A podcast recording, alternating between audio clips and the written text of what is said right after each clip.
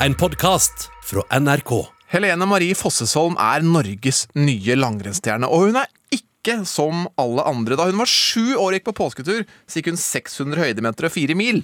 Sju år! Det, det er det første som eh, jeg tenkte, Når jeg var sju år, var jeg mest bekymra for om eh, det var Nugatti igjen i skapet. Eh, nettopp. Eh, og det bare fortsetter. Eh, hun drømmer om en date, og den skal starte med intervaller.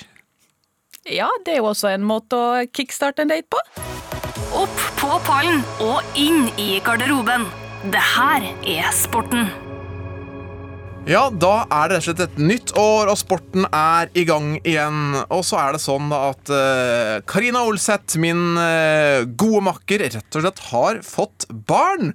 Har nå to barn, er tobarnsmor, og da sitter hun naturligvis ikke her. Og da, da er du her, da. Nina Løseth. Ja, Velkommen skal du være. tusen takk for det. Men bare for at ikke overgangen skal bli for stor, så er du også gravid. Ja, for jeg tenkte, altså, det, Du må alltid erstatte den gravide programlederen med en gravid vikar. Nettopp, nettopp. Som ikke har så altfor lenge igjen til termin. Nei, så her- her- velkommen til fertilitetspodden. Ja, så her sitter vi, da. Heland og Halland. Og det er ikke noe tvil om hvem som er Halvand og Heland her.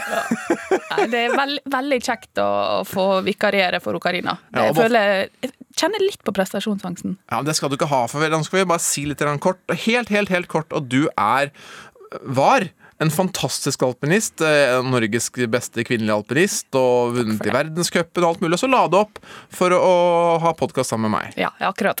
ja, jeg, ble jeg ble pensjonist i, i mars i fjor. I fjor, for nå er det nytt år. Så um, syns det ble, gikk jo det fort i svingene, da. Så det ble produksjon av barn ganske raskt. Og så eh, får jeg være litt her nå, så jeg trives godt med det. Ikke sant? Og da, da, da vil jeg bare, for å ha deg ordentlig med fra start, så vil jeg bare at du skal vite at vi Nå hørte du akkurat i vignetten her at vi skal opp på pallen og inn i garderoben. Ja, jeg er litt nysgjerrig, for nå har jeg satt og hørt hjemme på selvfølgelig episodene deres, og, og så har jeg altså jeg er jo litt sånn Hva betyr det? Hva ligger det bak det? Så bare sånn Den nye vikaren lurer, er nysgjerrig på det. Nettopp. Og nå skal jeg ta deg rett inn i det her. For som vi hørte i stad, ikke sant. Helene Marie Fossesholm er en helt rå langrennsløper. Hun har blitt god, har blitt fått utholdenhet av en grunn. Når vi får høre om påsketuren hennes, du, da får du noe av grunnen til at hun er god, og at hun kommer til å havne på pallen. Hun har teknisk sett aldri en pallplass, men hun venter på den første. Men det er noe av grunnen. Da skal vi opp på pallen. Men når du får vite om daten og sånn, når du får vite om ting hun liker, ikke liker, roter, ikke roter, da er vi inne i garderoben. Og det skal du også få i denne episoden. Ja, OK. ok. Nei, men det er bra. Og så skal vi opp på vår personlige pall, og i dag så er det fyrverkeri som er på en måte tema for sendingen. For det er jo litt av et fyrverkeri av en gjest vi skal ha med oss, og det er også en del andre utøvere som har ja, jeg vil si bydd, på store ting både på arenaen og, og utenfor. Ja, jeg gleder meg. Jeg har satt opp min pall, og så, som vanlig så er jeg opptatt av å ha Jeg skal ha bedre pall enn det. Det er målet for i dag. Så, så det blir spennende å se. Pass på så ikke du får nerver, da. Prestasjons enda mer prestasjonsangst. Hva føler du nå? Og det er en skandale! Det er fiasko! Og da kommer tårene! Hva føler du nå? Nå kommer du sikkert til å få litt sånn eh, minner om eh, hvordan det var å være utøver. For nå skal du selvfølgelig få spørsmålet, Nina, som eh, du har fått en milliard ganger før. Når du var utover. nå er det du ikke. Men hva føler du nå? Og jeg føler jo mye for tida. Det er masse følelser. Men nå skal jeg sentrere energien min. Jeg føler fascinasjon. For Fascinasjon mest for, for Anne Halvor Egner Granerud. Åh, for nå har det vært det? hoppuka, så jeg har jo fulgt litt med. Og selvfølgelig er jeg jo litt inhabil for vintersport, det er jo det jeg har fulgt med mest på. Og fått med meg at han har jo jobba i barnehage, det har gått litt trått, og så løsner det, ikke sant. Så jeg blir fascinert over måten han løser det på. At det, han kjører på med fem seire før jul. Og så livet leker, det går lett. Eh, og så snur det. Ja. i blir den litt, viktigste konkurransen, og det blir litt tungt, og det blir litt tungt, og så får han slakt i media og får kjørt seg. Men her Det jeg blir mest fascinert av, var at jeg i går så satt jeg og så på det nakenhoppet hans. Oi, naken. Jeg har ikke, har fått med deg. Har Fortell. ikke du? Ok, Fortell. For det er, jo, det er jo liksom hele essensen. Det er det jeg er fascinert over. Så det var, det var jo fryktelig spennende. Det var mye spenning i går, gårsdagen. Det sier litt om mine dager. Så jeg satt og så på en stykk naken Halvor Egner Granerud. Men det som var litt kjedelig, det var at tåka la jo seg akkurat foran når han Granerud junior skulle få si i rampelyset. Så det var litt kjedelig. Men, men, men, var, men- skuffelsen var ekte. Men hjelp meg her nå som ikke har sett dette her. Hva, hva er det han hoppa ikke i hoppuka naken? Nei, nei, det hadde vært noe. Ja. Det, men det her har blitt en greie i um, polsk media, da. Også, han har jo fått slakt, selvfølgelig, for uh, han uttalte seg litt uh, spisst om uh, den sto- store stjerna derfra. Kamerstokk, ja. Så Det, det, det, det, er jo det de bråk for. polske hus, uh, husfruene som sitter og ser på det hoppet der, for det har også gått viralt i Polen. da. Ja. Eh, Men det er han, han som for noen år tilbake tok et nakenhopp i en eller annen hoppbakke, og så ble det filma, da. Ja. Så det har jo spredt seg som eh, ild i tørt gress. Ja. Så det syns jeg var fryktelig moro. Men lokal tåke liksom sladda det naturlig, på en måte? Det var, det var lokal tåke. Ja. Men, men da, er, eh, Hva skal jeg si? Hoppuke er jo noe, noe helt, helt spesielt. Og så, Ja. det er klart Når du vinner alt på forhånd, og så gikk det jo litt skeis i selve hoppuka Men han, han er på en måte virker som en fyr som tar det veldig bra. Han, han driver egentlig Vi har vært inne på det før, vi hadde jo Maren Lundby her. Og det er jo en håpløs sport, dette med hopp. Altså Plutselig kommer han jo og er best i verden. På et vips så kan han jo være borte igjen. Ja, og jeg får jo litt sånn her Jeg føler jo med han. Men eh, måten, altså, måten han har gått Det er jo oppriktig fascinasjon over det han har prestert. Fordi han har jo gått fra å måtte forsørge seg og tjene penger ved å ta sommerjobb i barnehage, til å bli verdensstjerne i det han driver med. Så, så det, det er veldig kult. Og så er det hvordan man takler motgang òg, da. Så det er litt spennende å se. Ja. Eh, Så han skal vi følge med på. Han skal, og nå skal han jo inn i en gryte òg, for det å liksom hisse på seg polakker eh, Det var nok ikke med mening, men det å gjøre det eh, rett før du skal til Zakopane, som på en måte er en ordentlig kruttgryte, det Da kan det bli fyrverkeri. Ja, den, er litt, den er litt kjedelig. Jeg tror den er litt tung, den der. Jeg hadde jo også Anja Persson, og hun kjørte mot eh, Janica Kostelic. Så måtte faren til Janica Kostelic, som var da begge var alpinister, da. Men og Anja Persson var erkerivalen til Kostelic. Så når det var renn på hjemmebane, så måtte faren til Kostelic ta heisa med eh, Anja Persson fordi at hun ble pælma ned med snøballer av publikum. så det er sånn var ikke så særlig god stemning der i Zagreb. Vet du hva jeg tror det beste, beste rådet er egentlig for å liksom vinne polakkene tilbake etter den lille misforståelsen som gjør at de er sinte? Nei, Men jeg tenker det var det nakenklippet. Ja, eller hvis ikke, det, ja, ja, hvis ikke det er hjulpet Ta et sånn lite nakenhopp i Sakopane Starte med det. Naken ned fra kulen eller sånn. Da tror jeg han vinner polakkene tilbake. Det tror jeg. ja. Opp på pallen og inn i garderoben. Det her er sporten. Og nå skal vi opp, opp, opp på pallen, for endelig er det tid for pallen i fyrverkeri. Og det høres jo litt på en måte rart ut, da, men det er jo noen utøvere da, som har hatt den personligheten og den evnen, ikke minst eh, sportslig, at hver gang de liksom har kommet hit, så bare er det omtrent som det bare bang, bang, bang, bang. Det bare skjer ting med en eneste gang. Og vi har lagd vår egen personlige pall. Og vi starter da selvfølgelig med bronse. Mesdames et messieurs, médaillés de bronze, Ladies and gentlemen, the bronze medalist. Og jeg liker jo å være litt grann alternativ ved det. Altså, jeg har jo på en måte mine folk, og nå skal jeg til en kar som er fra Drøbak. Som i dag er 58 år gammel. Han herja for Norge på curlingbanen på starten av 2000-tallet. Jeg skal selvfølgelig til Pål Trulsen. Han var en fest på isen. Han var en fest utenfor. Altså Han ble så populær, for den var så annerledes at plutselig fikk du jo sponsa de her rare klovnebuksene òg. Og så kan du jo si at ja, ok, litt sånn eh, noe var flåsete og tullete, men det var så gøy! For eksempel eh, før de skulle møte Kina i en kamp, så svarer Pål Trulsen dette her.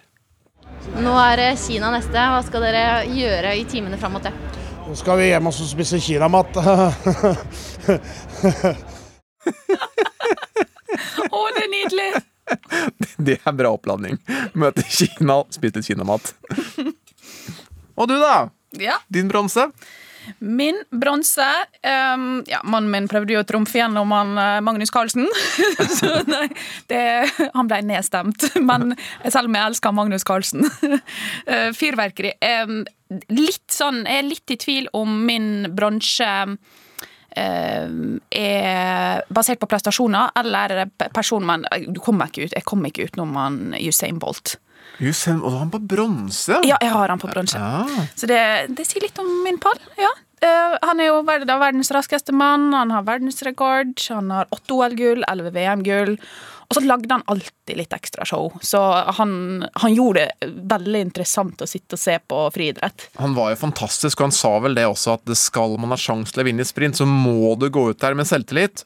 Og det gjorde han. Helt klart. Så han er min eh, bronseplass. Mesdames et messieurs, médaillés d'argent, Ladies and gentlemen, the silver medalist. Vi skal nå til en eh, dame, kvinne, jente, som eh, var verdens beste i sin idrett. Hun var, altså, var fantastisk på banen, eh, og hun spilte håndball. Altså, hun, var, hun kunne avgjøre kamper, hun hadde finesser, hun var tekniker, hun var taktiker, hadde på en måte alt. OL-gull i 1996, hun har EM-gull i 96, VM-gull i 97. Så alt var på plass, liksom. Men det var også et temperament som gjorde at det ble det ble fyrverkeri uansett hvor hun var. Jeg snakker om Anja Andersen, den danske håndballspilleren. Og lagde kaos i Danmark, lagde kaos i Norge, lagde kaos i Tyskland. Uansett hvor hun var. Og så etter hvert så ble hun trener, så tenkte man kanskje at uh, da, da ble hun litt eldre og modna seg til litt. Grann. Nei, det skjedde ikke det heller. Like mye bråk der, men hun har vunnet mye. Og som trener også vunnet Champions League, vunnet Europacupen. Fantastisk utøver. Men at det ble fyrverkeri, det vet jeg hver gang. Vi skal ha et lite klipp nå fra når hun var trener i slagelse. En spiller fikk et rødt kort. Det gikk ikke Anja Andersen med på. I ligner lort! Ud alle sammen! Jeg går inn sammen med ganger! Ud! Ud! Det er skandaløst! Jeg har aldri opplevd noe lignende. Jeg har da over Per det har også oplevet en hel del i uh, håndbolden. 29 minutter spillet. Der mangler altså ett minutt av første halvleg. Slagelseholdet har for let. Mine damer og herrer, Slagelse har forlatt gigantium. ett minutt innen der er øh, pause. Her ser vi Anja Andersen i diskusjon med sin direktør. Anja Andersen også misfornøyd med dommerne, og da går vi i garderoben. Da gir vi F i dette her. Men det er jo noe med å bjude på og bare tørre å stå i det uansett. Så det er jo forfriskende. Hun slo armen til dommeren ja. når hun var misfornøyd, for hun ble da selv utvist også. Da, da kan du slå. Da er du engasjert. Da har du engasjert. Ja. Min sølvplass Der tror jeg vi skal bare høre på et lite lydklipp som ble satt sammen av Dagbladet først.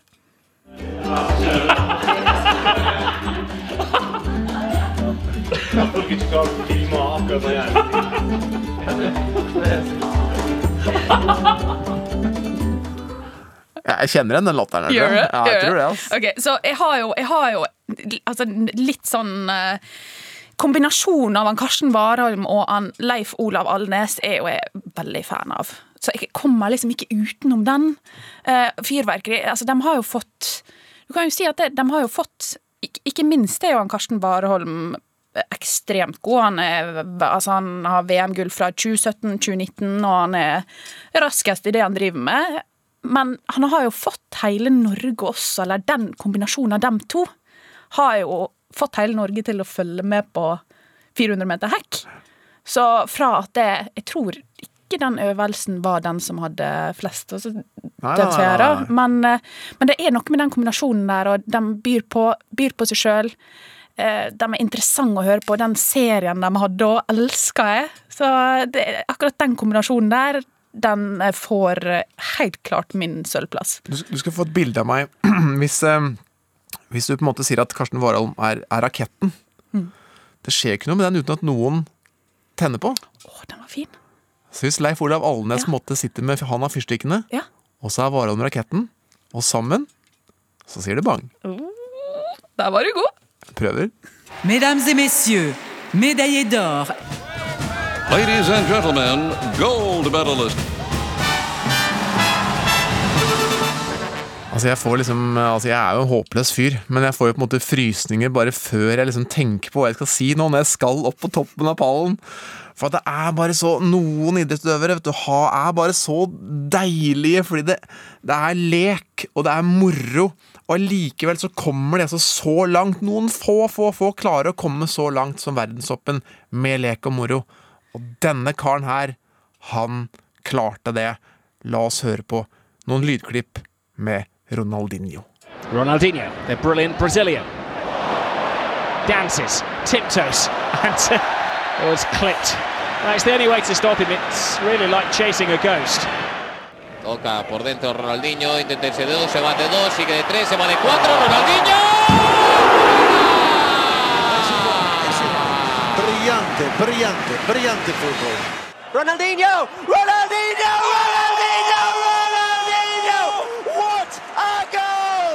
Ronaldinho, altså, altså det Altså, en, en kunstner og, og, og selvfølgelig, i, sånn som toppidretten er blitt nå, så prøver man å få satt det inn i et system og få det til å bli ordentlig. Få, men, men dette her var en mann Han er på en måte full av eh, eventyr og lek, og, og ballen var klistra til føttene hans, og kroppsspråk. altså Når han bevegde seg fram og tilbake og hit og dit, så altså forsvarsspillerne bare spruta i alle retninger, for de klarte ikke å stoppe den. Det er som å stoppe et, et spøkelse, som vi hørte her. Og, og han var jo på en måte en fest på banen. Og så var han Var han også en fest av bane òg? Han var det, vet du. Å, han var det, ja. Han var fyrverkeri av banen, og det var, hadde han vært på en måte hakket mer seriøs, så hadde han eh, sikkert holdt på mye lenger og vært bedre mye lenger. Om han altså har spilt for Barcelona, PSG, AC Milan, vunnet gullballen, vunnet Mesterligaen, verdensmester. Men, men det ble jo for mye festing, ikke sant? Det ble for mye moro. Det ble for mye fyrverkeri. Altså bare, bare nå, til og med etter at han har lagt opp, så plutselig dukka han opp her for ikke så mange måneder siden i Paraguay med falske pass.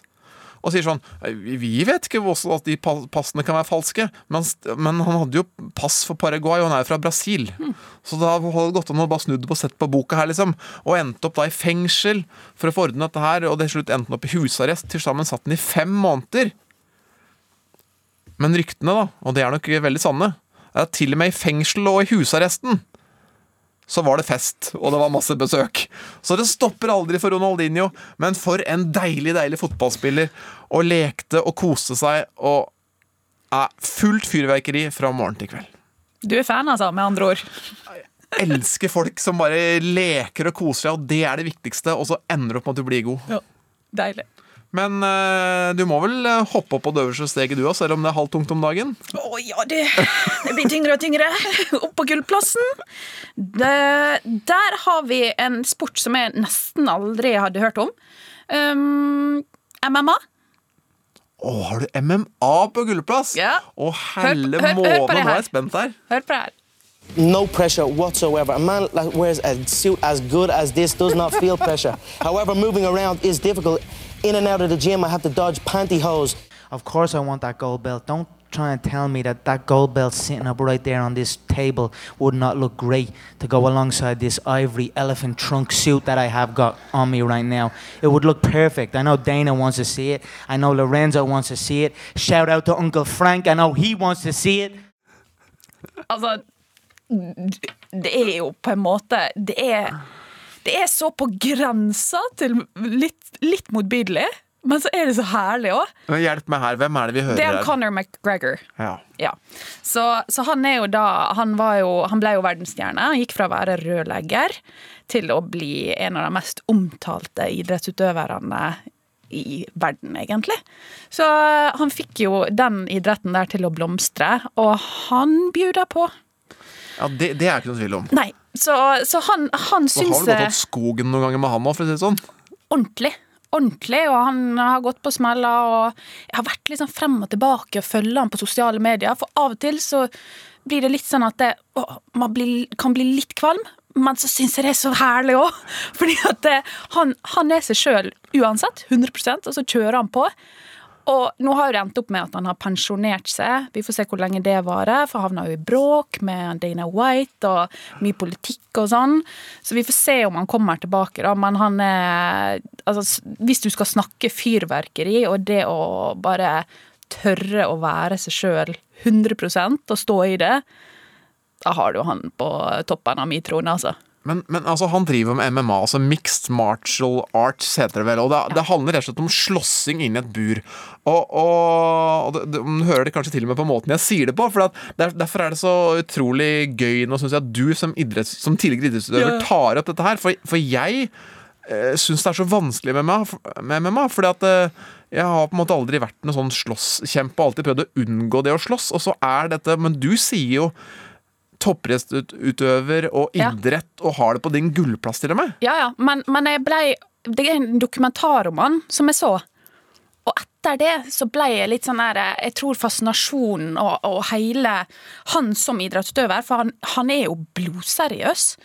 Og de, Eh, og de må jo være dødsgodt trent. Han er helt vilt godt trent. Så, så etter jeg så den, så ble jeg litt sånn Jeg hadde aldri trodd for det første at han var så seriøs. Altså Fyren er Den kroppsbeherskelsen, det blir jo jeg veldig Sånne ting blir jeg imponert over.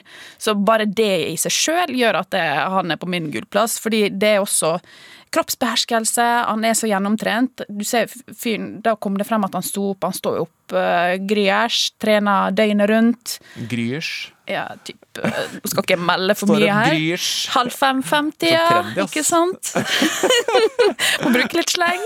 Nei, men Du hadde altså MMA på toppen. Det syns jeg var fascinerende. Men det, det er jo mange som elsker det. Ja. Ser du på kamper? Eh, når han holdt på, så så jeg litt kamper, ja. Faen, du er røff, ass. Fra Ålesund, vet du.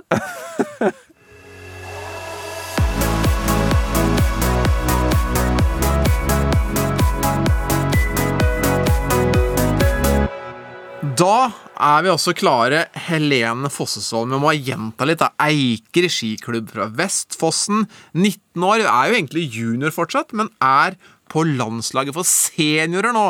Faen, det er raff, raff type du er, Helene. Tjuvstarter på landslaget. Ja, jeg liker å tjuvstarte litt, så det, ja, det, har gått, eh, det har gått bra. Livet er bra. Jeg må faktisk si at når Karl Andreas sa at eh, ja, hun er født i 2001 Åh, jeg følte meg gammel! jeg kjente litt på det. Ja. for når er du født? Jeg er født i 1989. Ja, ikke sant? ja. Så jeg, kjente faktisk litt på det. Jeg må innrømme det. Men sånn langrennsmessig nå, Helene. Du har liksom eh, Du begynte jo egentlig ikke å konkurrere før du var borti 12 år, og så er du 19 nå. Men allerede så går det veldig bra, og selv om du Altså teknisk sett så har du vel en pallplass fordi eh, du var nest raskest eh, bak Therese Johaug på en sånn etappe hvor de målte de beste langrennstidene. Men du har, du har aldri stått på en pall sånn ordentlig. Men, for, men gått Nei, veldig fort altså- på ski, nesten like go- godt som Johaug. Ja, men eh, nå er jaktstart det er noe helt annet. Altså, Therese gikk der framme helt aleine og gjorde all jobben sjøl. Eh, jeg kom bakfra og fikk eh, nytte av det, så eh, Ja, det var veldig moro å ha nest beste langrennstida, men eh, jeg vil ikke si at det er en ordentlig pallplass før man klarer å gjøre det individuelt. Så hard skal jeg være. Og den pallplassen kommer vel snart, eller den ordentlige? Ja, vi får satse på det. det.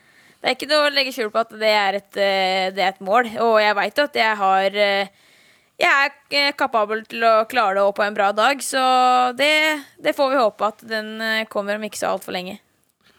Nå skal vi dukke litt ned i å prøve å finne ut hvordan Helene Fossesholm ble den gode langrennsløperen som du faktisk er. Og hvis vi da eh, går, drar tilbake til påskeferien, når du dro opp på hytta, og du var sånn rundt eh, sju år, hvordan så påskeferiene ut for deg da? Det var mye skiturer, og så var det mye hopp og leik. Vi er alltid, Hver påske så var det å bygge hopp bak hytta og ja, bare, bare være gæren, egentlig. Eh, og vi bygde slalåmbakke, liksom tråkka slalåmbakke oppover åsen. Eh, og så var det jo skiturer, og vi hadde, vi hadde en sånn kiosk eh, sånn 20 km unna hytta. Så da gikk vi en skitur, og på vei tilbake så stoppa vi og kjøpte vaffel og Kvikk Lunsj og ja, det man kan drømme om, egentlig. Så eh, det var eh, kos. Og så hadde vi også en Vi begynte en tradisjon eh, det året jeg fylte åtte, tror jeg. Sju. Eh, da Fylte sju, ja. Eh, da eh, begynte vi den tradisjonen at vi skulle ha en lang skitur hver påske. Eh, og da begynte vi med 3,8 mil, og det er jo ganske langt for en eh, 20-åring. Eh, men det var ene og alene fordi jeg hadde lyst til det, og vi Pappa bar jo altså han bar jo så mye. Hadde seg, vi hadde med oss klær. Vi hadde med oss, altså var, vi hadde med oss uh, var det? Vi hadde pasta di Parma på termos. Altså det var luksus. Men det var jo, vi kosa oss så mye og hadde med feller på skia og gikk opp eh, på en topp og nei, gikk på Skaran, og det var skikkelig kos. Eh, eh, og så har vi fortsatt den tradisjonen, egentlig, bare. Og året etter så gikk vi fem 5,4 mil. Skulle vært 5 mil, men pappa var så påståelig i det ene krysset på slutten der at da ble det 4 km ekstra. Det var Ja. Men en skal tidlig krøkes. Du, når eh, Du har helt rett. Altså, at jeg har fått høre om da at eh, da du var sju år, så, så gikk du fire mil og 600 høydemeter. Året etter så gikk du 5,4 mil. Og når du var tolv år, så var du begynt å komme opp i 11,4 mil på disse påsketurene dine. Eh, Ja. det er lang, når, fortell, når begynte disse turene? Altså, Hvor tidlig på morgenen begynte det? Når sto dere opp? Eh, vi sto opp halv fem, og så gikk vi ut halv seks. Eh, og det skal sies at det har aldri vært noe eh, fra press eller eh, pushing fra mamma og pappa. Det var jeg ene Altså det var, ikke, det var ikke engang sånn at hvis jeg hadde vært trøtt på morgenen og ikke hadde lyst, så hadde det ikke vært noe spørsmål. Da hadde ikke gått ut på turen. Men eh, jeg husker pappa spurte meg det ene året der som vi sto opp halv fem, og jeg var daudtrøtt. Eh, og så spurte han meg at skal vi vente litt, så sa jeg nei, det skal vi ikke. Nå har vi avtalt at vi skal ut på tur, da skal vi ut på tur. Faren din du, han var jo ikke noe langrennsløper, som du sier, og han ble jo på en måte med på de turene, og de turene ble lengre og lengre, og jeg skjønner at dere har jo øh, hva skal jeg si, lært mye av hverandre, og han er jo med deg fortsatt også, og, og hva skal jeg si, hjelper til veldig mye med når dere skal ordne opp trening og sånn. Fortell litt om det. Nei, Jeg er avhengig av både mamma og pappa. Eh, pappa er jo mye han, Det er jo vi som legger treningsopplegget og, eh, sammen, jeg og pappa. Eh, og han er jo trener i klubben, så han, han legger jo opp eh, treninger der, så han har jo mye å gjøre. Eh, men han syns jo det er veldig morsomt også å være med. Vi er ikke noe stor klubb, men vi er veldig sammensveisa gjeng, så han eh, gjør mye. Han eh, legger opp treningen i klubben, og så etter han har lagt opp trening i klubben, så legger han opp treninga vår sånn at det skal passe ut med det når jeg er hjemme, sånn at det passer ut eh, i forhold til at ikke jeg skal trene hardøkt dagen før jeg skal hardøkt med klubben. Eh, og ja, jeg er veldig glad i å trene med klubben nå. Det, det er jo der jeg har de beste treningskompisene mine, og det er jo de jeg har vokst opp med å trene med. og ja, det, Vi trener mye sammen utenom de øktene i klubben også, de harde øktene vi har to ganger i uka. Um, ja, og pappa han smører ski og legger til rette, så han, gjør, han bruker mye tid på meg og broren min, og det setter jeg veldig pris på. Uh, og ja, jeg veit at det, det, det er mye å gjøre. eh, og det er mye som uh, følger med det å ha en uh, toppidrettsutøver i huset, men uh, ja, det setter jeg veldig pris på. Og mamma òg, som legger til rette på alle mulige måter hjemme her også. Det, det hadde ikke gått rundt uten noen av dem. Jeg tenker det, det er jo veldig fint, for han er jo den som kjenner det desidert best. Men har du, blir det, hvordan det blir tatt imot av landslaget? For det er, er det en kultur også at det, det er innafor? Det er helt innafor. Det har ikke vært eh, altså Helt siden jeg kom på juniorlandslaget, så var det ikke noe spørsmål om pappa skulle fortsette som trener. Det var, altså, det var en selvfølge. For at eh, altså, Det har funka så bra til nå. Og han bor, vi bor sammen, og han eh, han vet, liksom, han kan se på meg da når jeg har en dag som sier at nå, i dag bør ikke du trene, Helene, eller i dag så funker ikke hardøkt. Det kan han se uh, før jeg i det hele tatt har uh, kommet meg ut på ski og begynt. Ja. Uh, så det, han kjenner meg veldig godt, og vi har jo trent sammen og lagt opp treningsopplegg hele, hele, hele tida, egentlig. Så det var egentlig ikke, har ikke vært noe press fra landslaget sin side om at, eh, at de skal ta over, eller at eh, Ole Morten skal ta over all treninga. For det, jeg tror både Monica på juniorlandslagstrener, og Ole Morten syns det funker veldig bra sånn som vi har det. Og så er jo de også med De var jo også Monica var med, og Ole Morten er liksom Vi sender treningsopplegget til han, og så kikker han og kommer med innspill. Og ja, det er helt nydelig å ha en tredjeperson også som kan kikke og liksom være litt utafor boksen, fordi vi kjenner hverandre så godt at vi tenker veldig likt, og da er det fint at noen som kan komme utenfra og, og se det fra et annet perspektiv. Eh, og det er gull verdt for, eh, for oss. Så det er ikke noen tvil om at faren din han har litt å si for at det har gått så bra for deg, egentlig. Ja, jeg hadde aldri kommet hit eh, hvis ikke det hadde vært for mamma og pappa. Det Aldri. Jeg har ikke vært i nærheten. Og Nå vet ikke jeg åssen det er med deg, Nina, men jeg tenker på meg sjøl da jeg var 19 år. Da begynte jeg å bli ganske lei foreldrene mine, og når de hang i nærheten, ble jeg irritert bare de åpna munnen omtrent. Tenk på deg og faren din. Du blir ikke lei, du blir ikke lei nå når dere er så tett på. Eh, jeg skal ikke stå her og si at det ikke går noen kuler varmt eh, innimellom. Det skal jeg absolutt ikke påstå, for det, det, det gjør det. Og er det en, altså Pappa er nok den personen i verden jeg blir mest sinna på når jeg blir sinna eller blir sur. Og kanskje Han, han irriterer meg òg, men det gjør eh, Altså Familien min er de jeg blir mest irritert på. Det er de som irriterer meg mest. For de veit liksom hvilke knapper de skal trykke på hvis jeg ikke er i godt humør. Og det Ja. Men jeg tror jeg alle kjenner seg igjen i at eh, det er de nærmeste familien som man blir lettest irritert på. Og det, det tror jeg ikke er helt uvanlig. Det er det man er mest glad i, som man også kan bli mest sinna på. Hvilke, Absolutt, det kan jeg bekrefte. hvilke knapper er det de kan trykke på? Nei, eh, det er jo hvis de ser at jeg, jeg Hvis jeg står opp om morgenen og ikke sier så mye og ser litt mugg ut, rett og slett, da, da veit eh, mamma jeg kan være god på å kommentere ting som jeg bare kjenner at nå, nå må jeg gå nesten et annet sted. Hvis ikke så går det Da går det fake, ass. Det, da blir Da er jeg Hvis du kan kalle meg Tordenrose. Det er jeg ikke så fan av hvis jeg er litt mugg om morgenen. Det, det er ikke det er, eh, ja, Den er alltid da- fin å få rundt frokostbordet. Ja, den er alltid fin å få når man kommer liksom ned og så har liksom eh, ja, eller hvis man får kommentarer på håret eller et eller annet sånt. Ja, nei, det, det er irriterende. Hvis jeg, hvis jeg får den kommentaren ja, 'God morgen, Tordenrose', da, hen, da hender det at da, da, da må jeg gå i meg sjøl. For det, det, det irriterer meg eh, grenseløst hvis jeg da har liksom litt mugg om morgenen nå. Men eh, vi gjør det jo hele gjengen. Altså, det er jo litt moro, så eh, jeg gjør det jo sjøl hvis det er motsatt òg.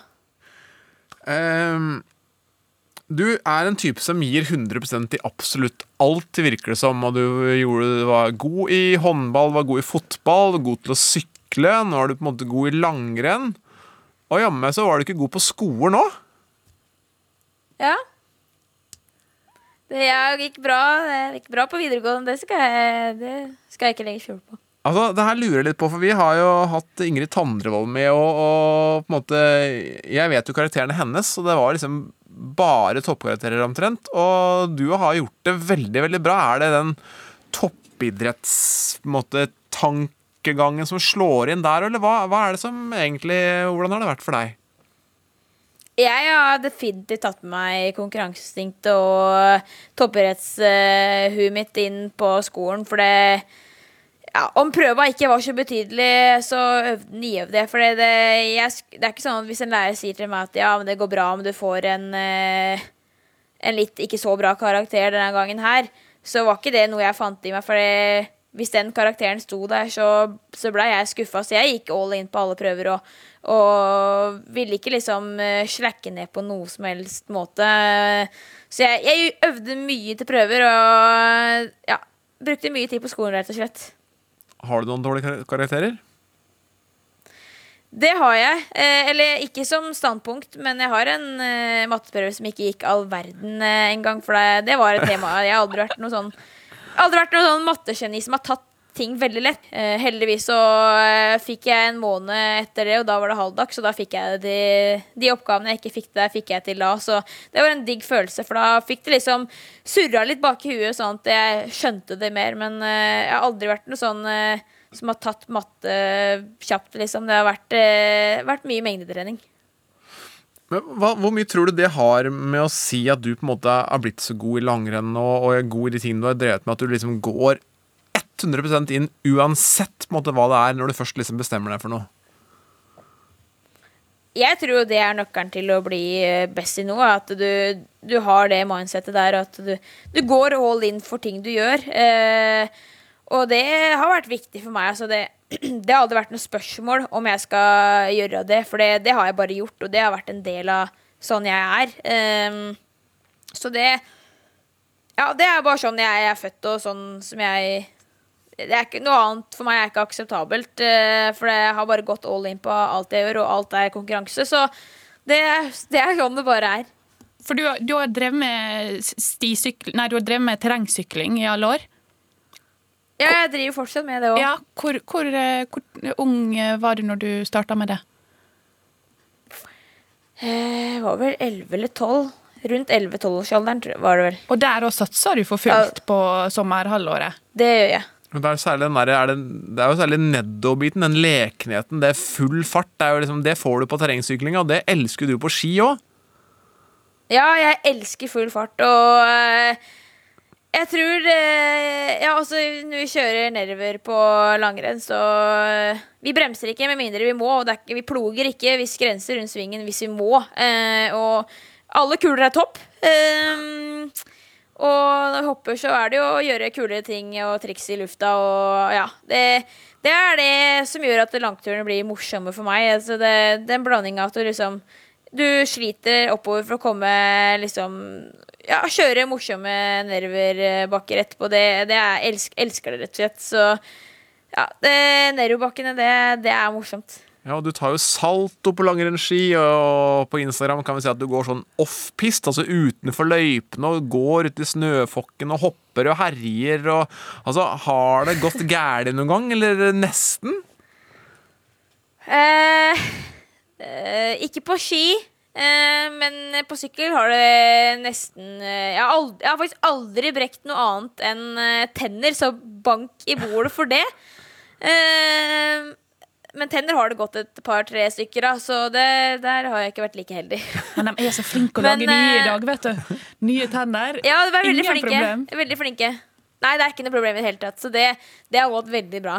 Men det er jo, altså, som langrennsutøver så er det jo ganske utypisk. Veldig sånn forfriskende at du er, driver med litt andre ting. Og du minner jo mer sånn om alpinist og freestyle og litt sånn eh, At du har flere bein å stå på. Men får du noen reaksjoner fra langrennsmiljøet? At hei, nå må du roe litt ned og ikke ta noe eh, unødvendig risiko? Nei, det har jeg faktisk ikke fått. Og Nei, det kan jo kanskje være overraskende, det, men eh, jeg eh, tror folk har skjønt at det nytter ikke å si det til meg, for det, jeg, jeg gjør som jeg vil, og, og det, det er jo ting som hjelper meg på langrenn nå.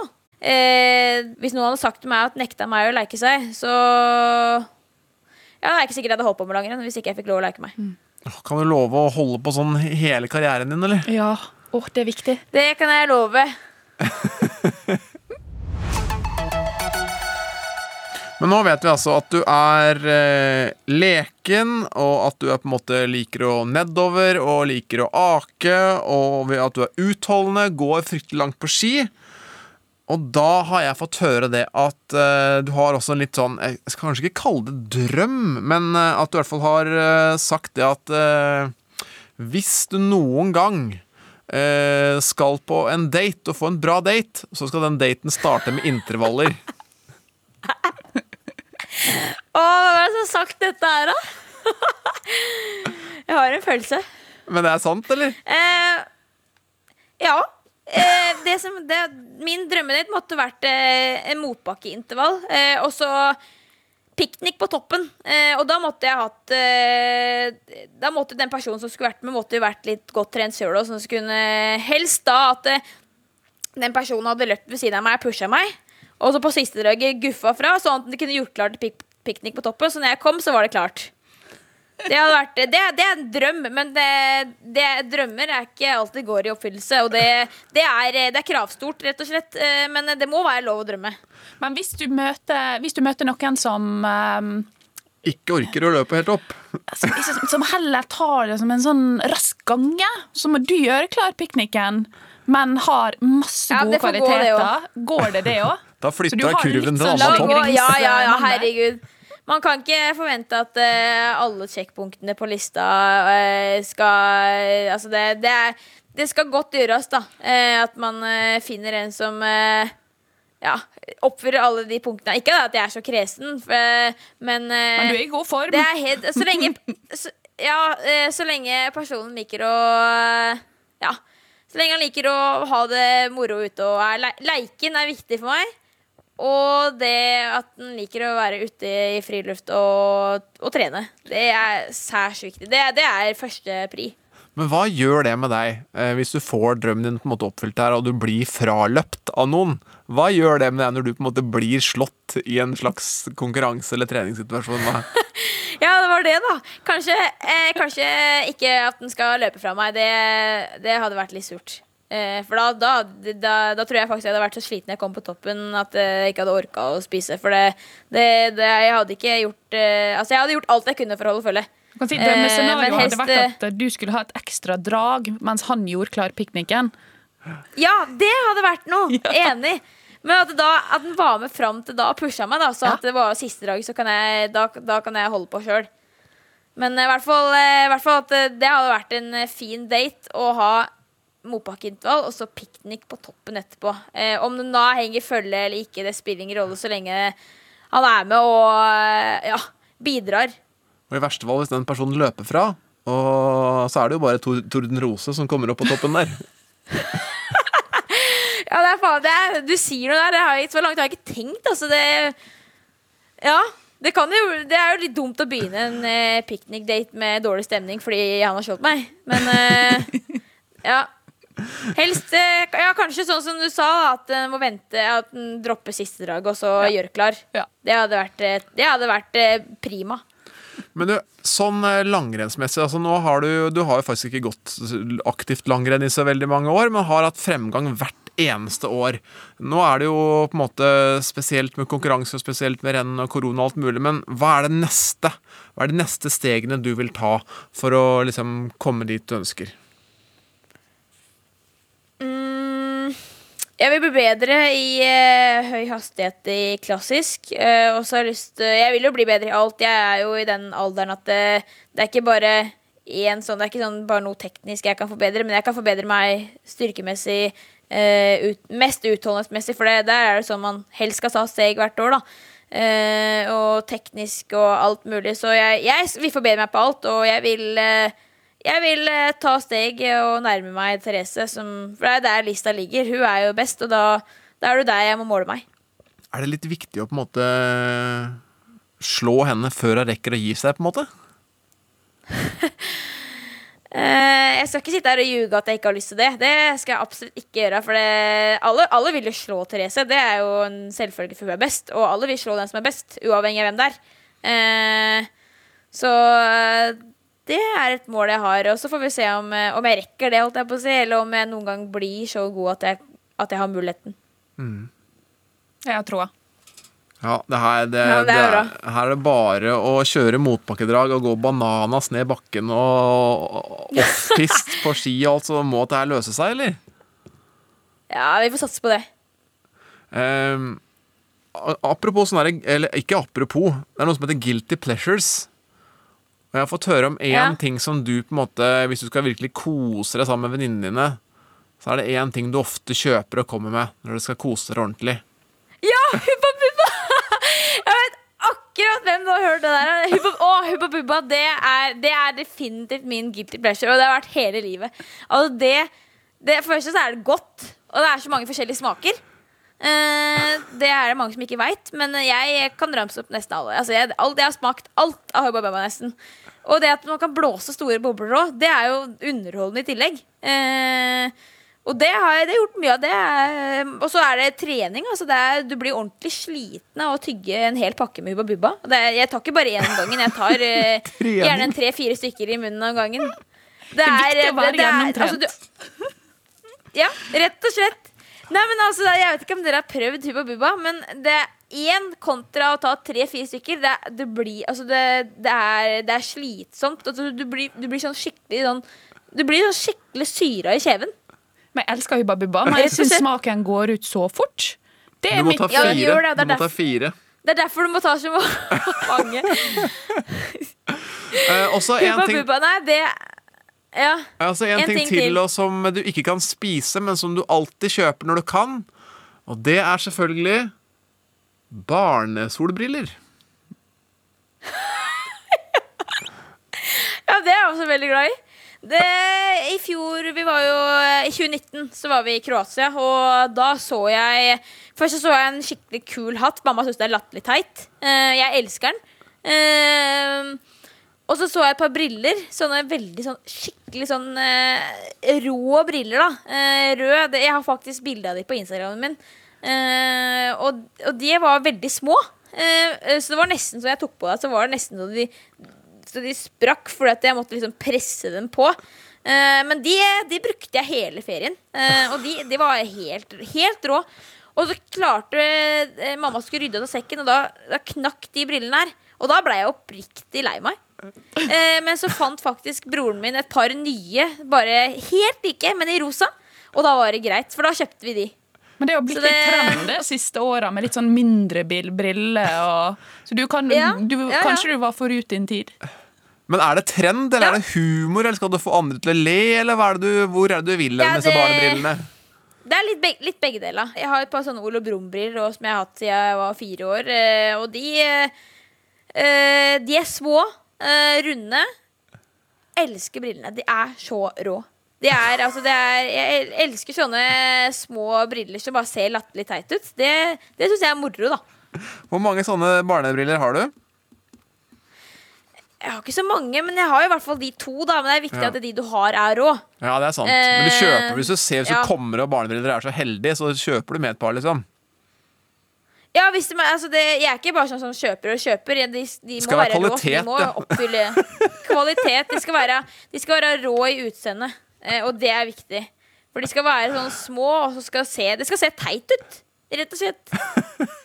Elsker det. Ja, det er bare så bra!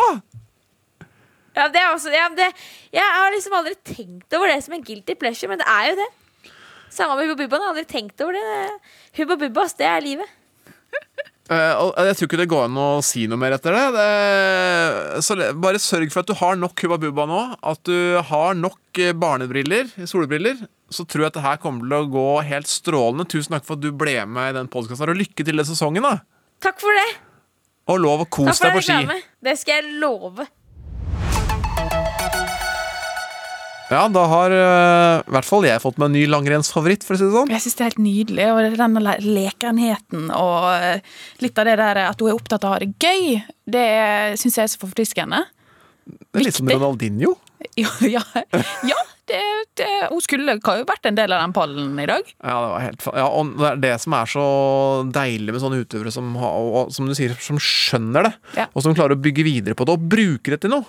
Helt klart. Fyrverkeri. Ordentlig fyrverkeri. Så hva- nå må ingen få lov til å liksom eh, kødde til med det der. La, la, henne, la Helene Fossesholm være Helene Fossesholm. Akkurat sånn! Resten av karrieren. Helt klart. Men nå er jo jeg Altså, det her er min første episode, jeg er vikar. Men du gjør det bra. Ja, det jeg føler jeg, jeg gjør mitt beste. det er det viktigste. Det er, er ofte godt nok. Håper det.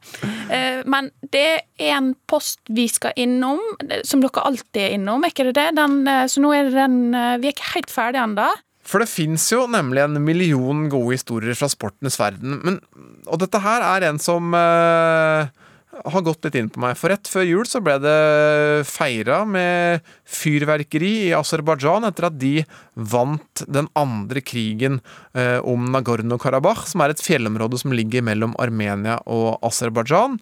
Det har tidligere vært en krig som var eh, på starten av 90-tallet. Da var det Armenia som vant og tok store landområder. Eh, mange selvfølgelig som er døde, og mange som er skada i de to konfliktene. Men det som har gjort at, at det gikk litt inn på meg, er at det gikk plutselig opp for meg at eh, et, det beste fotballaget i Aserbajdsjan, som heter eh, FK Karabag, de er fra en by som het eh, Agdam. Og den byen mista de i den første krigen. Så altså det beste laget i Aserbajdsjan hadde plutselig ikke noe, noe, by å være lenger, hadde ikke noe stadion å være på lenger. Og nå har de altså vært ute 2019, den byen og det, den arenaen, siden 1993. Og det var en klubb som stort sett besto av lokale gutter, eh, lokale fans osv. osv. De altså ikke kunne spille der siden 1993, siden det området har vært på Armenias hender. Eh, og det som er litt sånn spesielt da, er at eh, fotball er veldig sånn når du knytter opp til det laget du er fra, liksom, det stedet du er fra, heier veldig på deg, enten om det er Rosenborg, Lillestrøm eller eh, et annet sted. Men og sånn er det i Aserbajdsjan òg. bortsett fra det laget Karabag. For selv om du har heid på ditt lag i Aserbajdsjan, så har egentlig alle heid litt på Karabag, fordi den klubben har vært et symbol på de landområdene som da ble tatt i den første krigen, og, som, eh, og de, de måtte jo flykte en halv million mennesker fra det området, som nå har bodd andre steder i, i Aserbajdsjan, og, og Karabag måtte spille på et stadion i Baku, langt fra Agedam. Og de har bygd stadion der og bygd opp en ny, eh, ny en måte, identitet. Men nå kommer denne krigen, da, som ble avslutta i november. og Denne gangen var det Aserbajdsjan som vant krigen, og de har vunnet nå det området tilbake igjen. Som betyr at eh, Karabag har fått igjen på en måte byen sin, fått igjen områdene sine, kan i teorien flytte tilbake igjen. Men alt må jo bygges opp på nytt. Stadion er ødelagt, eh, hele byen er ødelagt. Så det er jo ikke sikkert at det på en måte skjer. Men jeg syns at det er så spesielt at vi på en måte i våre dager, når vi, vi sitter her, og har feira jul, nyttårsaften, sitter i et trygt og varmt studio, og ikke så langt unna, med et lag som spiller i Champions League, som spiller Europaligaen, plutselig har en sønderbomba by som de kan flytte tilbake til, mens armenere akkurat har pakka sammen sine saker, forlatt de hjemmene som de på en måte okkupert for mange år siden. Og jeg tar ikke noe parti her i saken, for at her er det jo Dette er en konflikt, begge er uenige med hverandre. Men at det så nær oss skjer en, en, en væpna konflikt, og folk som må flykte, og områder og byer som går fra det ene landet til det andre, ja, det, det gikk rett og slett litt, litt inn på meg. og og Karabag de, har, de spilte senest mot Molde nå i høst. Tapte straffekonken i den tredje kvalifiseringsrunden i, i Champions League. Men, men, de har litt mer å tenke på der nede enn det vi, det vi har her. Helt klart. Sett ting i perspektiv, i hvert fall. Litt mer å tenke på enn kanskje Molde-spillerne har. Ja, ikke sant. Og tenk at vi, sånn som når vi på skolen har lært om den brente jords taktikk, liksom. Det var sånn man, ja. som, som man drev opp i, i nord når, med Hitler, Hitler, og Tyskland og Russland, liksom, og de brant hele Nord-Norge. Men det tenker vi jo, det, dette var noe som skjedde i gamle dager. Mm. Dette er noe vi ser på film. Men det skjer faktisk i disse dager, bare for noen uker siden. Og det, det er faktisk helt sykt. Det er drøyt.